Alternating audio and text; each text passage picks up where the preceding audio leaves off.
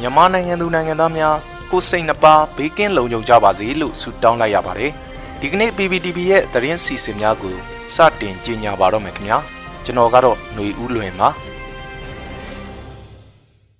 စစ်ကောင်စီနဲ့ချုပ်ဆိုထားတဲ့နိုင်ငံတကာယင်းနှီးမြှုပ်နှံမှုများအပေါ်တာဝန်ယူမှာမဟုတ်ကြောင်း NUG လျှက်စစ်နဲ့စွမ်းအင်ဝင်ကြီးဌာနကညွှန်ကြားချက်ထုတ်ပြန်လိုက်တဲ့သတင်းကိုတင်ဆက်သွားမှာဖြစ်ပါတယ်။စစ်ကောင်စီဟာဥပဒေနဲ့မညီဘဲအာဏာသိမ်းမှုပြုလုပ်ထားခြင်းကြောင့်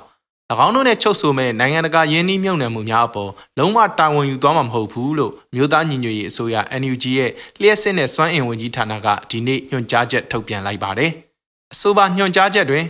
လက်ရှိအကြမ်းဖက်စစ်ကောင်စီသည်ဥပဒေနှင့်အညီတာဝန်လွှဲပြောင်းယူမှုမရှိတဲ့အတွက်အထက်ပါစာချုပ်များနှင့်ဆက်လျင်း၍တာဝန်ခံနိုင်မှုအလင်းမရှိပါနိုင်ငံတကာယင်းနှိမ့်မြုပ်နှံသူများအနေဖြင့်လည်းတာဝန်ယူမှုကိုခံစားရမည်မဟုတ်တကယ်သို့တာဝန်ခံရန်လည်းမသိလျော်ပါလို့ဖော်ပြထားပါတယ်။ဒါအပြင်မြမရည်နံတဲ့သဘာဝတံဝင်လုပ်ငန်းအနေနဲ့2021ခုနှစ်ဖေဖော်ဝါရီလ1ရက်နေ့အားစတင်ရက်စွဲအဖြစ်သတ်မှတ်လျက်အောက်ပါအတိုင်းဆောင်ရွက်ရန်ညွှန်ကြားလိုက်ကြောင်းရင်းတို့မှာ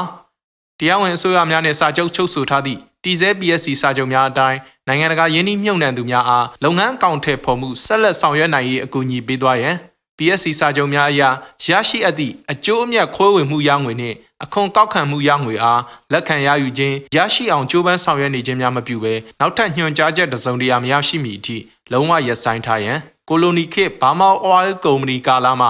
ယနေ့အထိတိစောက်ထားခဲ့တဲ့မြမရေနံရန်ရာအားပျက်စီးစေနိုင်သည့်ဝန်ထမ်းများဖိနှိပ်ချုပ်ချယ်မှု မသိလျော်သောအမိန့်ညွှန်ကြားချက်များထုတ်ပေးမှုတည်ဆဲအလုပ်သမားဥပဒေများနဲ့မကိုက်ညီသောဆောင်ရွက်ချက်များကိုလုံးဝမပြုလုပ်ရန်ညွှန်ကြားထားတာဖြစ်ပါတယ်။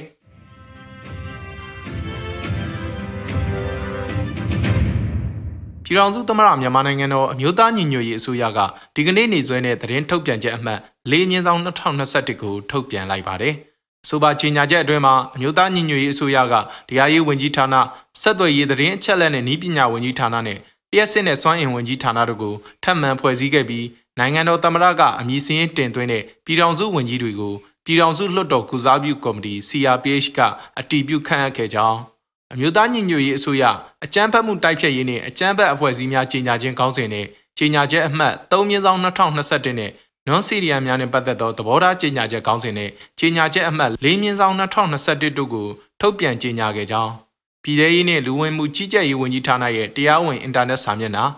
mohai.nugmyanmar.org ကိုထုတ်လွှင့်ခဲ့ပြီးအဆိုပါအင်တာနက်စာမျက်နှာမှာအကြမ်းဖက်စစ်ကောင်စီရဲ့လူမျိုးတုံးတပ်ဖြတ်မှုနဲ့လူသားများအပေါ်ကျူးလွန်တဲ့ရာဇဝတ်မှုများအားတပ်သေးများနဲ့တကွတိုင်ကြားနိုင်ကြောင်းအလုသမားဝန်ကြီးဌာနကစီဒီအန်ပြုလုပ်နေကြသောပြည်သူဝန်ထမ်းများနဲ့ပတ်သက်တဲ့ကြေညာချက်အမှတ်1မြင့်ဆောင်2021ကိုထုတ်ပြန်ခဲ့ကြောင်း အသစ်ဖွဲ့စည်းလိုက်တဲ့လျှက်စစ်နဲ့စွမ်းအင်ဝန်ကြီးဌာနကလျှက်စစ်တအားကများကောက်ခံနေမှုနဲ့ပတ်သက်၍တတိပေးထုတ်ပြန်ခြင်းအကြောင်းအရာနဲ့ပတ်သက်သောအမိတ်ကြေညာသာအမှတ်1မြင်းဆောင်2021ကို2021ခုနှစ်ဇွန်လ10ရက်နေ့ရက်စွဲနဲ့ထုတ်ပြန်နိုင်ခဲ့ကြောင်း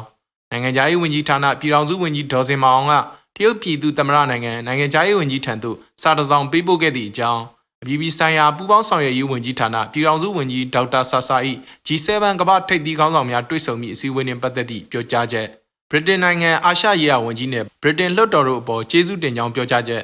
ကျန်းမာရေးဝန်ကြီးဌာနပြည်ထောင်စုဝန်ကြီးဒေါက်တာဆိုဝီဆိုးရဲ့ COVID-19 ရောဂါကာကွယ်ရေးနဲ့ပတ်သက်တဲ့ပြောကြားချက်နဲ့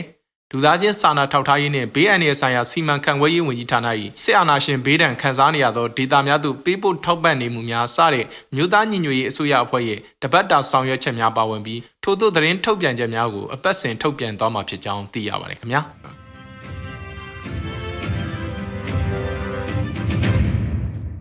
ဆက်လက်ပြီး everything will be okay လို့အားပေးလိုက်တဲ့ဂျွန်လ10ရက်နေ့ဒီမိုကရေစီတော်လှန်ရေးနေ့အကြောင်းတင်ဆက်သွားမှာဖြစ်ပါတယ်။ဒီနေ့ကြောက်တဲ့တောင်ကိုရီးယားနိုင်ငံရဲ့34နှစ်မြောက်ဂျွန်10ဒီမိုကရေစီတော်လှန်ရေးအထိမ်းအမှတ်နေ့အားနိုင်ငံအနှံ့ပြားတွင်ကျင်းပခဲ့ရာ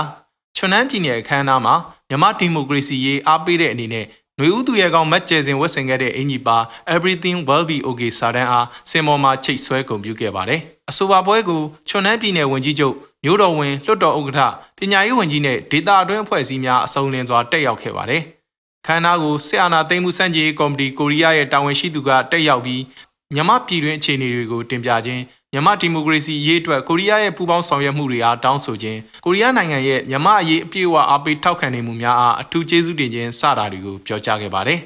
အမှားစကားပြောကြားခဲ့တဲ့တာဝန်ရှိသူများကလည်းလက်ရှိမြန်မာဒီမိုကရေစီတော်လှန်ရေးကာလဟာကိုရီးယားအနေနဲ့ဇွန်လ10ရက်နေ့တော်လှန်ရေးစိတ်ဓာတ်နဲ့ပူးပေါင်းပါဝင်မှုအလိုအဆုံးအချိန်အခါဖြစ်ကြောင်း လက်ရှိခံစားနေရတဲ့နာကျင်မှုများနဲ့အခက်အခဲများဆိုဒီမှာအောင်မြင်မှုပန်းနိုင်သူရှောင်းလန်းစဉ်ကြုံတွေ့ရမှုတသက်တာဖြစ်တာကြောင့်အာတင်ထားဖို့တိုက်တွန်းကြောင်းအဆုံးမှာတော့ဒီမိုကရေစီနဲ့တရားမျှတမှုဟာမုတ်ချအနိုင်ရမှာဖြစ်ကြောင်းပြည်သူကိုနိုင်ယူနိုင်သည့်အာဏာရှင်ဆိုဒီမှာလုံးဝမရှိကြောင်းစတဲ့အားပေးစကားတွေပြောကြားခဲ့ကြပြီးမြန်မာဒီမိုကရေစီရေးအားထောက်ခံတဲ့ကြွေးကြော်သံများဟစ်ကြွေးကမြန်မာဒီမိုကရေစီရေးကိုထောက်ခံကြောင်းပြသခဲ့ကြပါတယ်။ဂျွန်လ10ရက်နေ့ဒီမိုကရေစီဒေါ်လန်ရေးဟာ လွန်ခဲ့တဲ့1980ခုဇွန်လ9ရက်နေ့ဒီမိုကရေစီတောင်းဆိုဆန္ဒပြပွဲမှာယွန်ဆဲတက္ကသိုလ်ကျောင်းသားအီယန်ယောကအာနာရှင်သမရဂျွန်ဒူးဝမ်ရဲ့လက်ပါစီများလက်ချက်နဲ့ကြာဆုံးခဲ့ရတာကြောင့်လူထုတရက်လုံးပါဝင်တဲ့နိုင်ငံလုံးအနှံ့ဆန္ဒပြပွဲအတွင်သို့ကူးပြောင်းခဲ့တဲ့တမိုင်းဝင်ဒီမိုကရေစီဒေါ်လန်ရေးနေ့ဖြစ်ပါတယ်။